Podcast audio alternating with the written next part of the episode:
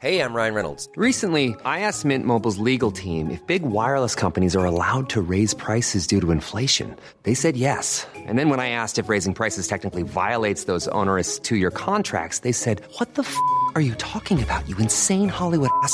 So to recap, we're cutting the price of Mint Unlimited from $30 a month to just $15 a month. Give it a try at mintmobile.com slash switch. $45 upfront for three months plus taxes and fees. Promo rate for new customers for limited time. Unlimited more than 40 gigabytes per month. Slows. Full terms at mintmobile.com. I'm Sandra, and I'm just the professional your small business was looking for. But you didn't hire me because you didn't use LinkedIn jobs. LinkedIn has professionals you can't find anywhere else, including those who aren't actively looking for a new job, but might be open to the perfect role, like me. In a given month, over 70% of LinkedIn users don't visit other leading job sites. So if you're not looking on LinkedIn, you'll miss out on great candidates like Sandra. Start hiring professionals like a professional. Post your free job on linkedin.com/people slash people today. Hey, it's Ryan Reynolds, and I'm here with Keith, co star of my upcoming film, If, only in theaters, May 17th. Do you want to tell people the big news? All right, I'll do it. Sign up now and you'll get unlimited for $15 a month in six months of Paramount Plus Essential Plan on us. Mintmobile.com slash switch. Upfront payment of $45 equivalent to $15 per month. Unlimited over 40 gigabytes per month. Face lower speeds. Videos at 480p. Active Mint customers by 531.24 get six months of Paramount Plus Essential Plan. Auto renews after six months. Offer ends May 31st, 2024. Separate Paramount Plus registration required. Terms and conditions apply if rated PG. Helt siden de første menneskene slo seg ned i Trøndelag, har det blitt observert underlige lys over Hessdalen. Fenomenet har blitt forsøkt bortforklart som syner sett av bygdetullinger og deliriske hallusinasjoner forårsaket av den lokale drikkekulturen. Men det skulle vise seg at fenomenet stakk langt dypere, når Hessdalen-fenomenet fikk verdensomspennende oppmerksomhet i ufo-miljøet på 1980-tallet. Fenomenet er fremdeles der, og det er fremdeles like uforklarlig som den gang. I 2024 kommer en podkastserie i seks deler, produsert av Project Hessdalen, som kanskje en gang for alle skal finne svar på hva som rører seg på himmelen i denne bortgjemte dalen i Trøndelag. Serien har som seg hør og bør fått tittelen A Blaze in the Northern Sky, og den kommer til din favorittpodkastavspiller i 2024.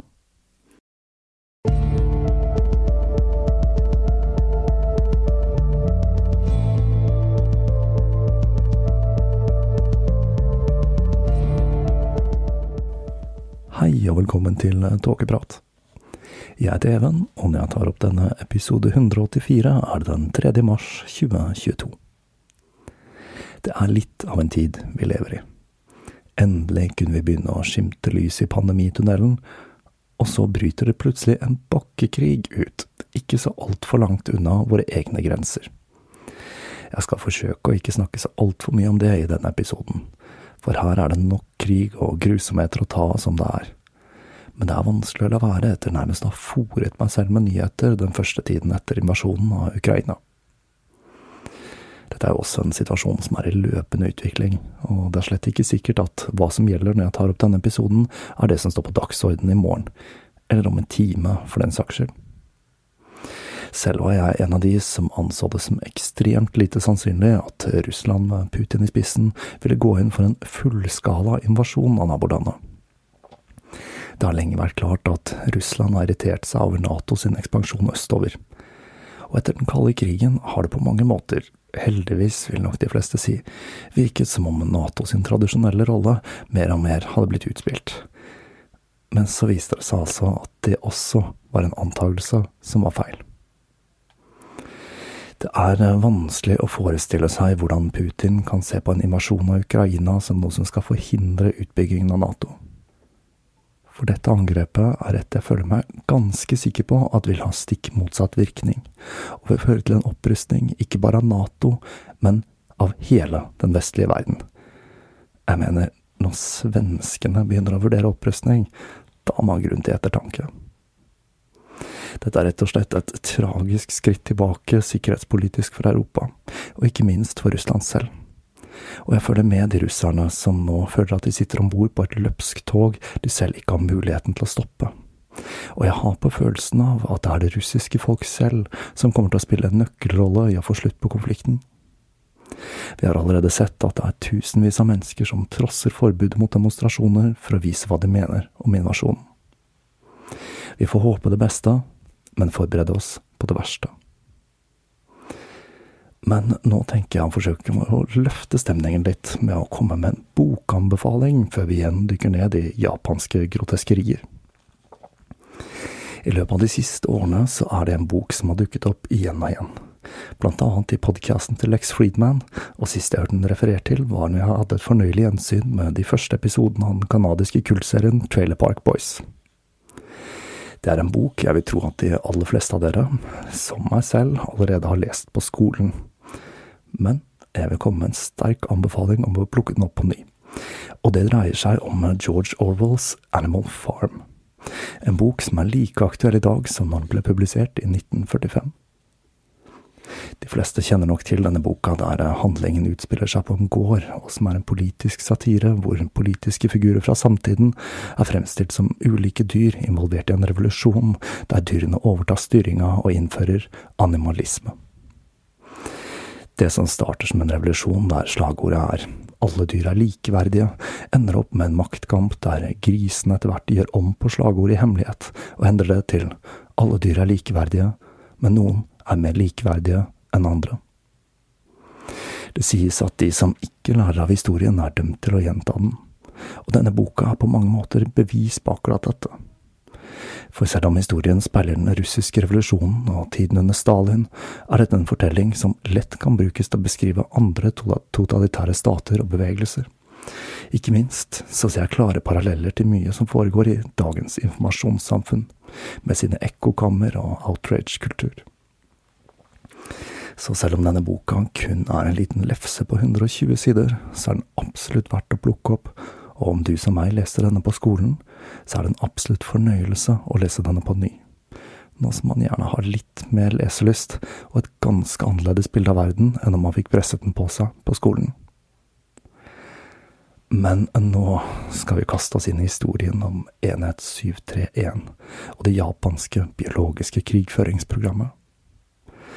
Som jeg sa i forrige episode, så er dette et relativt tøft materiale å bryne seg på. Og jeg merker at det blir i overkant litt mye med krigen i Ukraina susen i bakgrunnen. Men her er vi altså, på starten av den andre, og hva som blir den siste delen i serien om Enhet 731. Så da er det bare å spenne seg fast, for dette blir enda et dykk ned i det mørkeste mørket, i jakten på ondskap.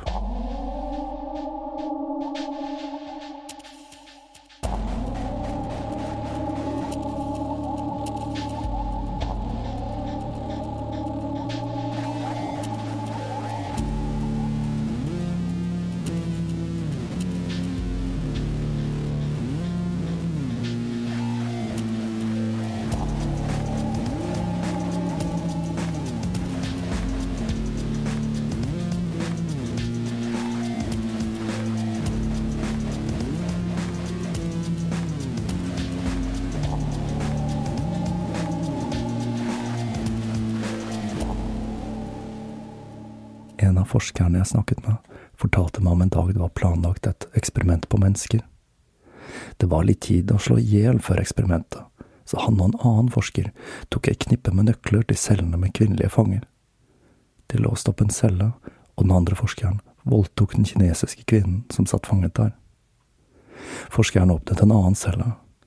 Der satt en kinesisk kvinne som hadde vært med i kuldeeksperimentene. Hun manglet flere fingre, beina hennes var svarte, og hun hadde koldbrann. Han bestemte seg for å voldta henne allikevel, men når han så at kjønnsorganet hennes var blitt septisk og at det tøyte ut verk, så ga han opp ideen, låste døren og gikk tilbake til eksperimentet sitt. Når Ishoshiri og enhet 731 flyttet til Pingfang, skjedde flere strukturelle endringer i organisasjonen. Fram til da hadde dette dreid seg om et rent militært prosjekt, men Nishi bestemte seg for å forsøke å involvere hele det japanske medisinske akademia. For å få til det, og forsøke å overbevise forskerne om å bli en del av prosjektet hans i Manchuria, satte han kursen mot universitetet i Kyoto, før han dro på en rundtur til de andre fremtredende universitetene i Japan. Igjen så spilte de tette båndene til universitetet i Kyoto og hans svigerfar en nøkkelrolle. Muligheten til å bidra med nye gjennombrudd i medisinsk forskning fristet mange, og mange valgte å dra. Noen professorer dro selv, mens andre sendte studentene sine. Langt fra alle studentene visste hva de dro til, og blant de som ante hva de hadde i vente, var det mange som allikevel lot seg presse, da det å sette seg opp mot det akademiske hierarkiet var karriereselvmord i Japan. Det var noe som var veldig spesielt med enhet 731. Til tross for at ledelsen besto av militært personell, så var de aller fleste som jobbet der, sivile, og staben ble til stadighet rotert. Men det var ikke bare forskere og medisinstudenter som tjenestegjorde der. Militariseringen av det japanske samfunnet hadde ført til opprettelsen av det japanske ungdomskorpset, som vi vel må kunne kalle Japans svar på Hitlerjungen, eller Speideren, for å ta en gruppe som er litt mindre betent. Ungdomskorpset med gutter i alderen 15 til 17 år stilte med personell til enhet 731. De som ble sendt dit derifra, hadde ingen anelse om hva de hadde i vente. De fikk et lynkurs i biologi før de ble satt til å utføre oppgaver som å frakte organer fra disseksjoner til laboratoriene, der de skulle undersøkes og preserveres. Siden dette dreide seg om svært unge mennesker, fikk mange av dem forklart seg om hva de opplevde og var vitner til i enhet 731 mot slutten av livet. Når det ble klart at slett ikke alle tok med seg hva de hadde opplevd i Ishis biologiske våpenprogram, til graven. Rotter og lopper spilte en sentral rolle i virksomheten ved enhet 731. De fanget rotter i Manchuria og betalte skolebarn fra å ale dem opp i Pingfang, som var utstyrt med egne rottekultiveringsceller som står der den dag i dag. De betalte også lokale bønder for å drive med rotteoppdrett. Og etter krigen tok amerikanerne over, og de fortsatte å betale for rotteoppdrett for å fortsette virusforskning ved den amerikanske enhet 406, som ble etablert i Tokyo. Lopp apper var det litt mer tricky å drive oppdrett av. For å få til dette tok japanerne en gruppe med ti fanger, alle menn over 50, som fikk beskjed om at alt de trengte å gjøre, var å ta det med ro og produsere 100 fete lopper per dag. Dette ble gjort ved at de ble kledd i tykke, polstrede klær de ikke fikk lov til å ta av seg, og så ble det satt lopper på dem som begynte å formere seg. Fangene fikk heller ikke lov til å klippe håret, slik at loppene skulle ha det optimalt. En gang i uka kom en delegasjon japanere som fjernet klærne deres og plukket av alle loppene som hadde nådd størrelsen til et fyrstikkhode, mens de som var mindre, fikk sitte på til neste uke. En gang fikk jeg i oppgave å vaske rommet til forsøkspersonene. Jeg så de medisinske diagrammene til Maruta som hadde blitt brukt i pestangrepet på Anda, og jeg begynte å kikke på dem. Noen døde etter to dager, noen etter fem eller syv, og noen ganger ti dager eller mer. Det var helt klart at dette var diagrammene til mennesker som var blitt brukt i eksperimenter der de ble eksponert for pestbærende lopper. Jeg kunne se at det ble drept mellom 40 og 60 mennesker i disse eksperimentene. Det var jeg som avlet frem loppene, slik jeg var instruert til å gjøre. Fordi jeg var lojal mot keiseren og militæret, tenkte jeg aldri at det jeg drev med, var galt. Man kan dele forskningen ved enhet 731 inn i fire hoveddeler. Den første var kolera, hvor man injiserte fanger med bakterien, for så å spre den i sivilbefolkningen når sykdommen hadde brutt ut. Man brukte gjerne hunder for å spre kolera i landsbyer. De ble syke og kastet opp, hvorpå andre hunder spiste oppkastet, og på den måten spredde man sykdommen. Man kom fram til at ca. 20% av de som ble smittet, døde etter et særdeles ubehagelig sykeleie, med oppkast og diaré, hvor personen til slutt var så dehydrert at de så ut som et levende skjelett. Kolera er en sykdom med et langt sykeleie før døden eventuelt inntreffer, og den har derfor begrenset bruk som et offensivt våpen. Så mye av koleraforskningen dreide seg derfor om behandling og forebygging med tanke på egne tropper. En annen sykdom som fanget japanernes interesse, var epidemisk hemorragisk feber. Etter de hadde invadert Manchuria, hadde de registrert et utbrudd av en lokal sykdom som forskerne ikke hadde sett maken til. Det skulle etter hvert vise seg at sykdommen de først hadde trodd skyldtes en bakterie, ble forårsaket av et virus. I dag vet vi at dette dreier seg om en gruppe med virus, såkalte hantavirus. Symptomene på sykdom oppstår én til to uker etter eksponering, og symptomene oppstår brått og uten forvarsel. Det dreier seg om hodepine, rygg- og magesmerter, feber, frysninger, kvalme og tåkesyn. Man kan bli rødflammet i ansiktet og få utslett og røde øyne. Senere i sykdomsforløpet kan man få lavt blodtrykk, sjokk, væskeansamlinger og akutt nyresvikt. Om jeg ikke husker helt feil, så snakket jeg om hantavirus i serien Den usynlige fienden for noen år siden. Jeg mener å huske at det var en type virus Sovjet forsket på som et mulig biologisk våpen. Viruset spres via rotter og lopper, og så sent som i 2017 var det et utbrudd av det såkalte soul-viruset i USA og Canada, hvor 17 mennesker ble smittet. Forskerne dro til områder der sykdommen hadde brutt ut for å samle rotter, som igjen hadde lopper. Disse malte de opp og blandet i en saltvannsløsning som de injiserte i fanget. Når fangene begynte å vise tegn på å bli syke, tok de blodprøver for så å injisere blodet i en annen gruppe fanger. Og når de igjen ble syke, ble de vivisikert, og infiserte organer ble fjernet, malt til pulver og løst i en saltvannsløsning som ble injisert i en ny gruppe fanger. Og slik fortsatte det fram til man hadde klart å isolere patogenet. En stor favoritt var altså Yersinia pestis, bakterien som forårsaket svartedauden. I motsetning til kolera med sin lange sykdomsperiode, så begynner smittede å dø allerede tre dager etter å ha blitt smittet med pest, noe som gjør den til et effektivt strategisk våpen. Cirka seks storstilte forsøk ble utført mot sivilbefolkningen i Manchuria for å teste forskjellige metoder for spredning. Og i ett område gjorde de en så grundig jobb at det måtte sperres av helt fram til 60-tallet på grunn av faren for pestsmitte. Alle som døde, fikk kramper og døde i store smerter. Først ble de smittede røde, og etter de var døde, ble kroppene svarte. Jeg var 15 da det skjedde, jeg husker alt som om det skjedde i går. Det japanske flyet slapp ut noe som lignet røyk, og et par dager senere fant vi døde rotter i landsbyen.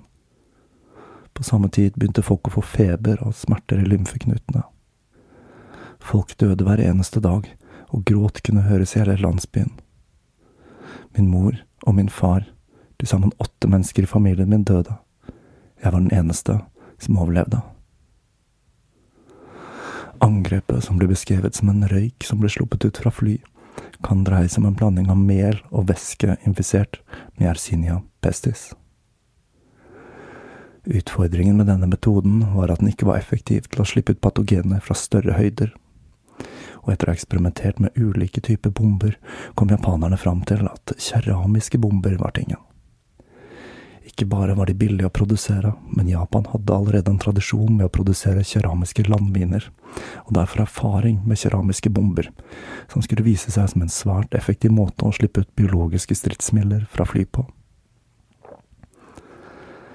Noen av de mest hårreisende eksperimentene dreier seg ikke om patogener, men om nedkjølning og forfrysning.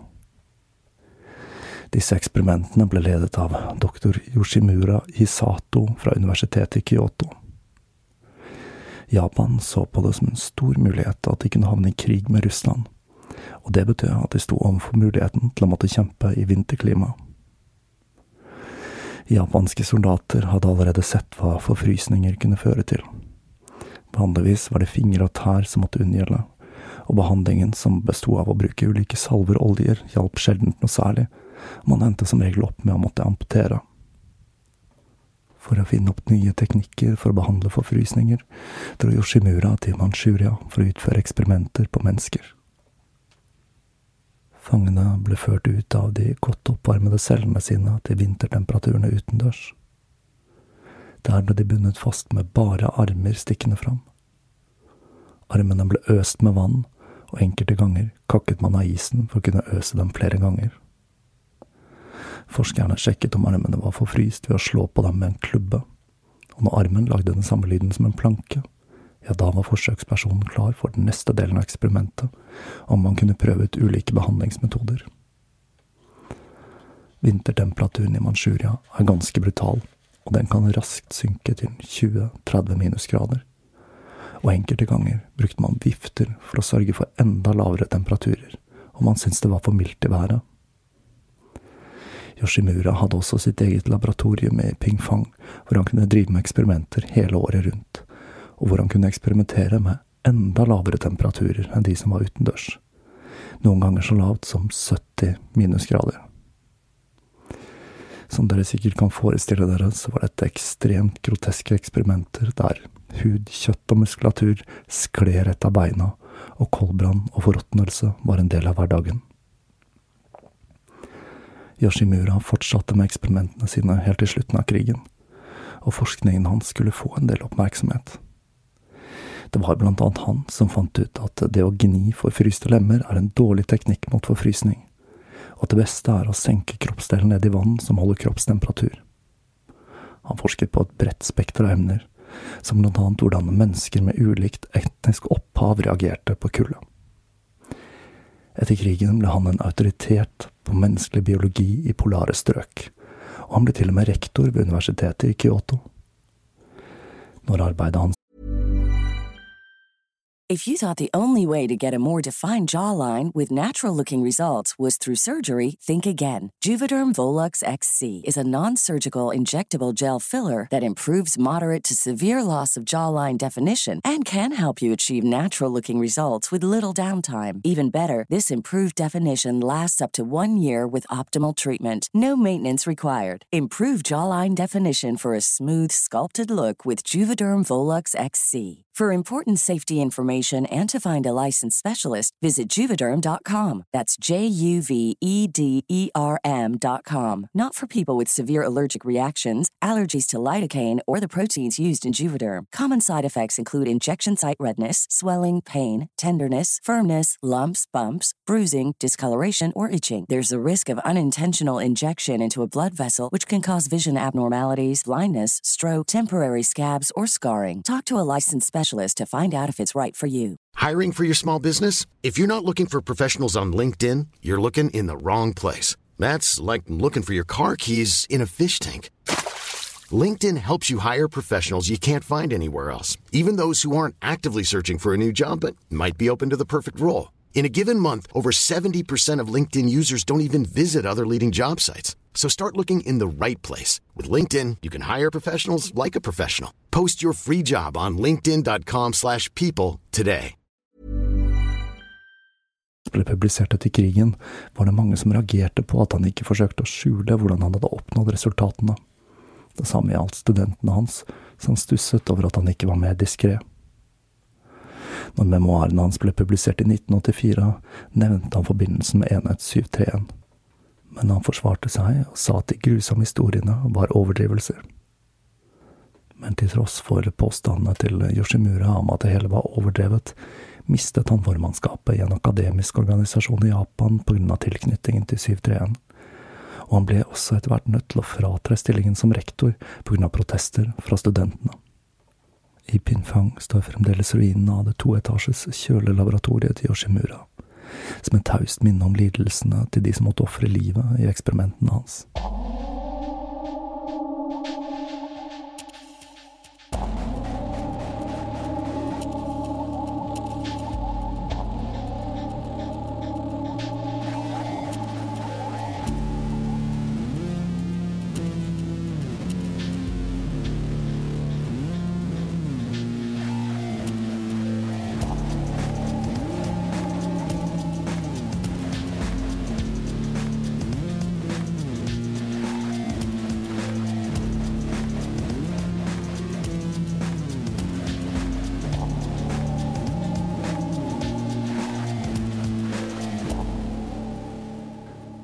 Annet område det ble forsket på, som jeg nevnte i forrige episode, var kjønnssykdommer. Japan var beryktet for sitt system med komfortkvinner.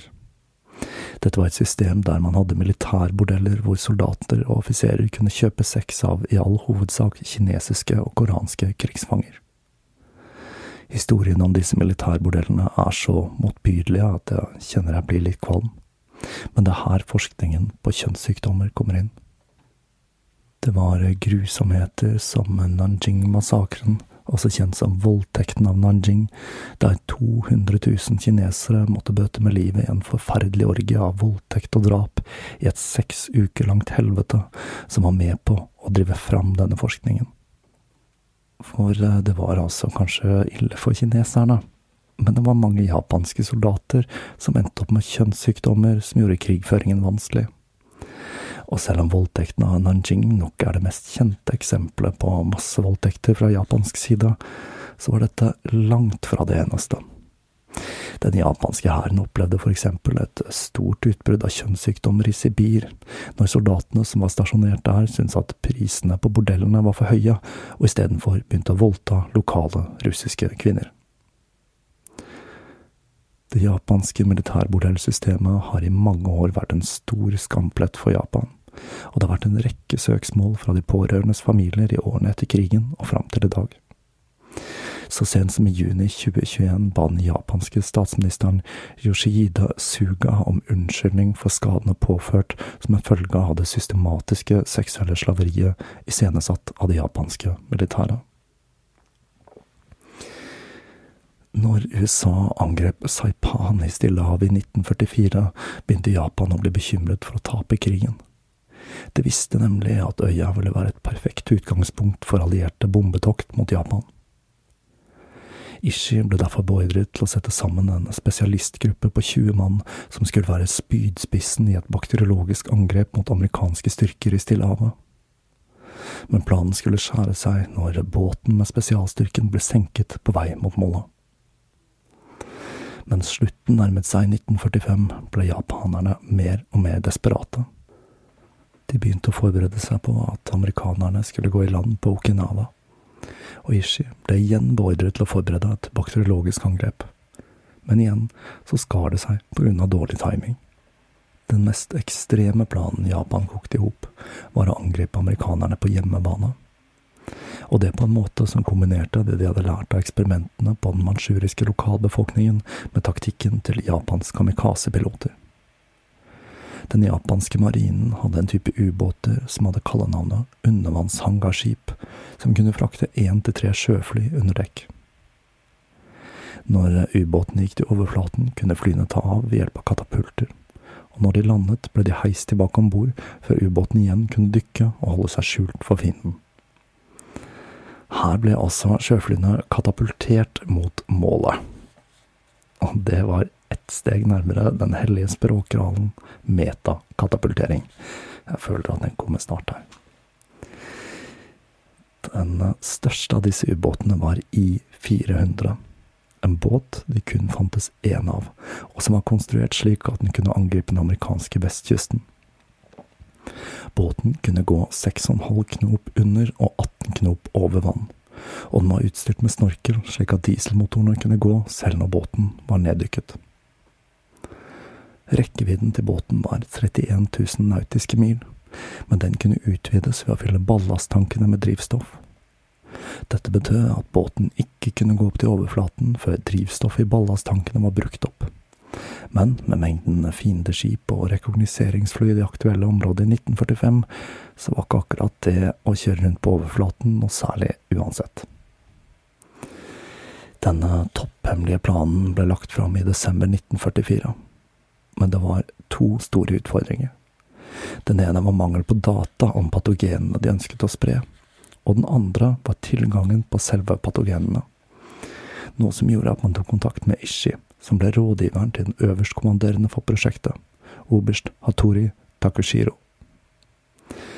Dette ble derfor et samarbeid mellom den japanske marinen og militæret, og det hele fikk kodenavnet Operasjon PX. Planen var at ubåten skulle nærme seg den amerikanske kysten, for så å sende tre fly lastet med pest, kolera og andre sykdommer over amerikanske storbyer. Etter flyene hadde tatt av, skulle mannskapet gå i land med patogener som levende bomber på et selvmordsoppdrag. Planen ble ferdig den 26. mars 1945, Men rett før det skulle sette i gang, grep general Umeso Yoshiro inn og beordret planen stoppet, til store protester. Hans argument var at dersom de gikk til det skrittet å bruke biologisk krigføring, kunne det hele utvikle seg fra en krig mellom USA og Japan til en krig mellom menneskeheten og mikrober. Og det ville føre til at Japan ble en paria i hele verdenssamfunnet. Det var general Umesu som fikk det lite ærefulle oppdraget å undertegne den japanske kapitulasjonen om bord i USS Missouri, etter først å ha forlangt å få en ordre direkte fra keiseren om han så skulle gjøre. Etter krigen ble han funnet skyldig i krigsforbrytelser og dømt til livstid i fengsel, hvor han døde i 1949 uten at historien om hvordan han forhindret hva som kunne vært et potensielt katastrofalt biologisk angrep, var kjent for verden. Som en liten sidenote så introduserte amerikanerne sitt eget nye våpen i krigen to uker før operasjon PX var ferdigstilt. Og det gjorde de under brannbombingen av Tokyo, hvor de tok i bruk napalm i utbombingen av et fattig nabolag av byen, hvor minst 100 000 mennesker mistet livet i flammehelvete, og en million mennesker ble hjemløse. Når krigen gikk mot slutten, ble Japan mer og mer nervøse for en sovjetisk invasjon og de bestemte seg for å ødelegge enhet 731 og alle tilhørende bevis og fasiliteter. De gikk hardt til verks, men enkelte av bygningene, som festningen i Songma, var bygget så solid at de var umulige å ødelegge, og mange står der den dag i dag. Små arbeidsgrupper ble igjen for å ødelegge bevis, mens resten av personellet og familiene deres ble evakuert tilbake til hjemlandet Ishi instruerte alle som hadde jobbet der om at de aldri kunne ta jobber i det offentlige, aldri ha kontakt med hverandre, og kanskje aller viktigst, bære med seg hemmeligheten om hva de hadde vært med på, til graven. Et løfte de aller fleste av dem holdt. Når krigen var over, kom allierte tropper og sivilt personell til Japan, og med det begynte et nytt kapittel i historien om Enhet 731. Denne historien startet ganske nøyaktig i september 1945, når det amerikanske skipet Sturgis la til kai i Yokohama. Blant eh, dem som var om bord, var Murray Sanders, en løytnant-oberst som hadde vært foreleser ved Universitetet i Colombia, og som var en svært anerkjent mikrobiolog tilknyttet Camp Dietrich. Når eh, skipet la til kai, ventet Naito Ryoshi på Sanders. Naito var en av Ishis nærmeste, og han hadde en historikk som inkluderte lyssky aktiviteter med utlendinger. Han hadde studert både i Tyskland og USA, og når han var i USA, hadde han dratt til Rockefeller-instituttet, hvor han forsøkte å få tak i prøver av det viruset som forårsaker gul feber, en sykdom vi tok for oss her i Tåkeprat i episoden om Marie Levaux.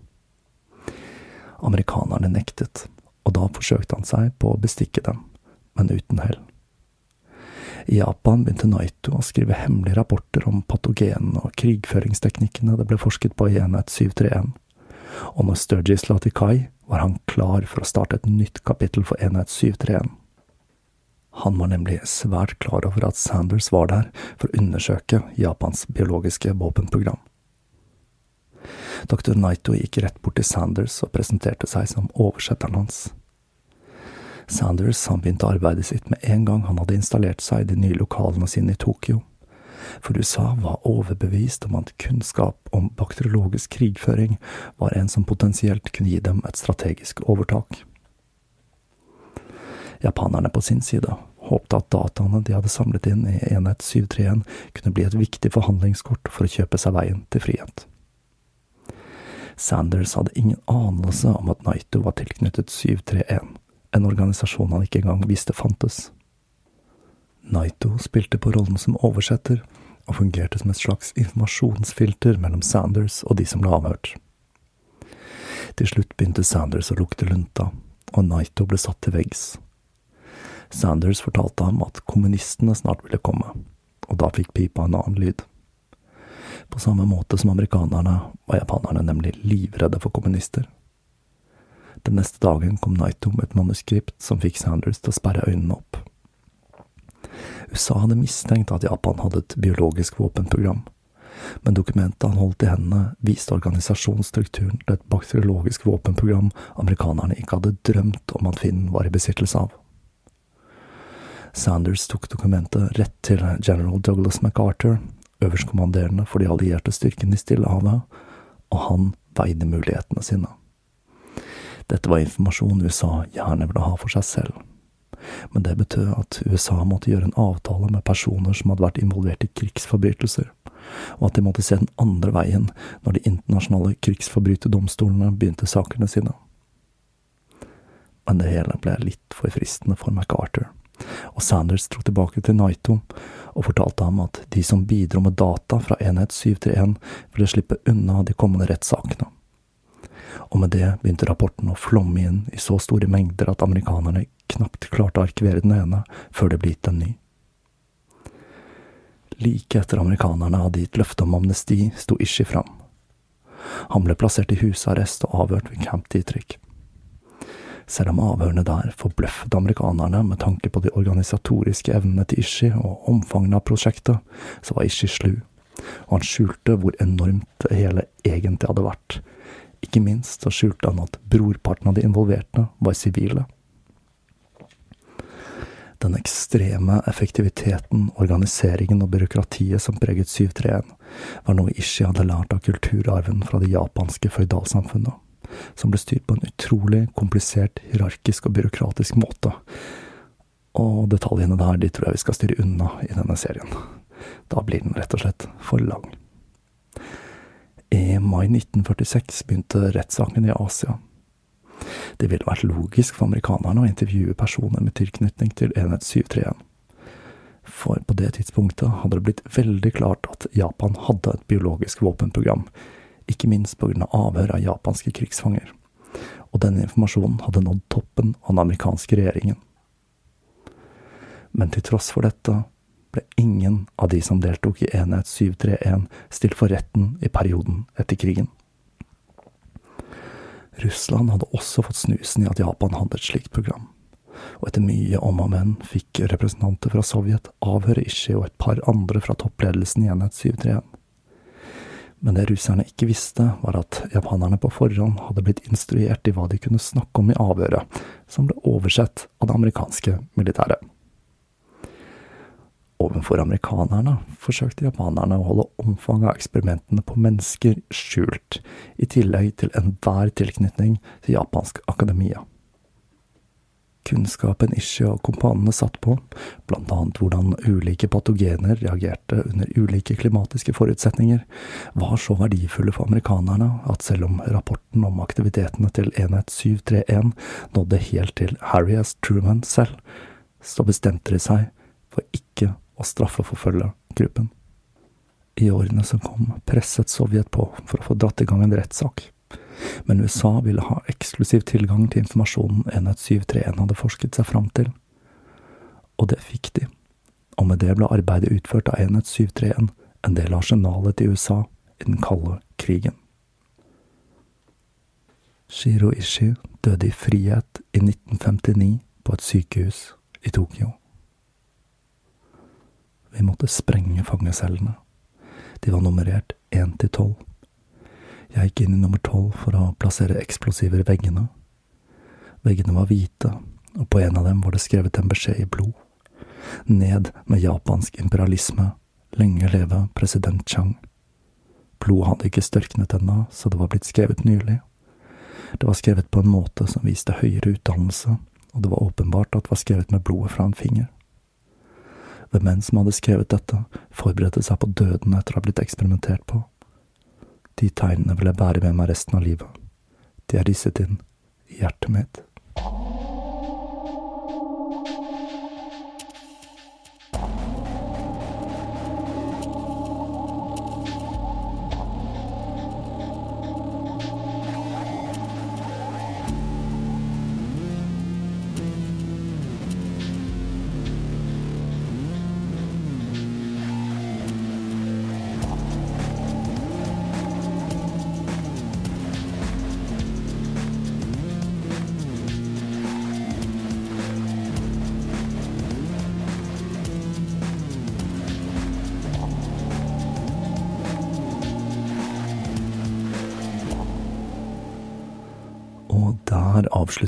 Historien om Enhet 731. Dette har vært et tøft historiedykk å gjøre. Vitnebeskrivelsen om hva som foregikk i Enhet 731 er rett og slett hjerteskjærende, og får meg til å tenke at det ikke finnes noen grenser for menneskelig ondskap. Når det gjelder den andre delen av ligningen til hva som muliggjorde operasjonen, og hva vi vel må kunne kalle ondskapen som drev Ishi og mennene hans til å gjøre det de gjorde, så tror jeg det må være umenneskeliggjøring. Fangene det ble eksperimentert på, ble bare omtalt som maruta, altså tømmerstokker. De ble fratatt navnet sitt og gitt et nummer. I kombinasjon med tanken om at japanerne var et overlegent folkeslag, var dette med på å gjøre det enklere for de som deltok, å se på fangene som undermennesker kombinert med det japanske hierarkiske systemet, med en nærmest bunnløs lojalitet til keiseren og et ekstremt innfløkt byråkrati, var det mulig å se på grusomhetene i enhet 731 som et nødvendig onde for å styrke det japanske imperiet. Byråkrati pluss umenneskeliggjøring er iallfall de to faktorene jeg føler spiller en sentral rolle i å utgjøre hva som muliggjorde det hele. Og nå skal jeg styre langt, langt vekk fra krig en stund her i Tåkeprat. Jeg har ikke riktig bestemt meg for hva neste tema blir enda, men krig blir det altså ikke.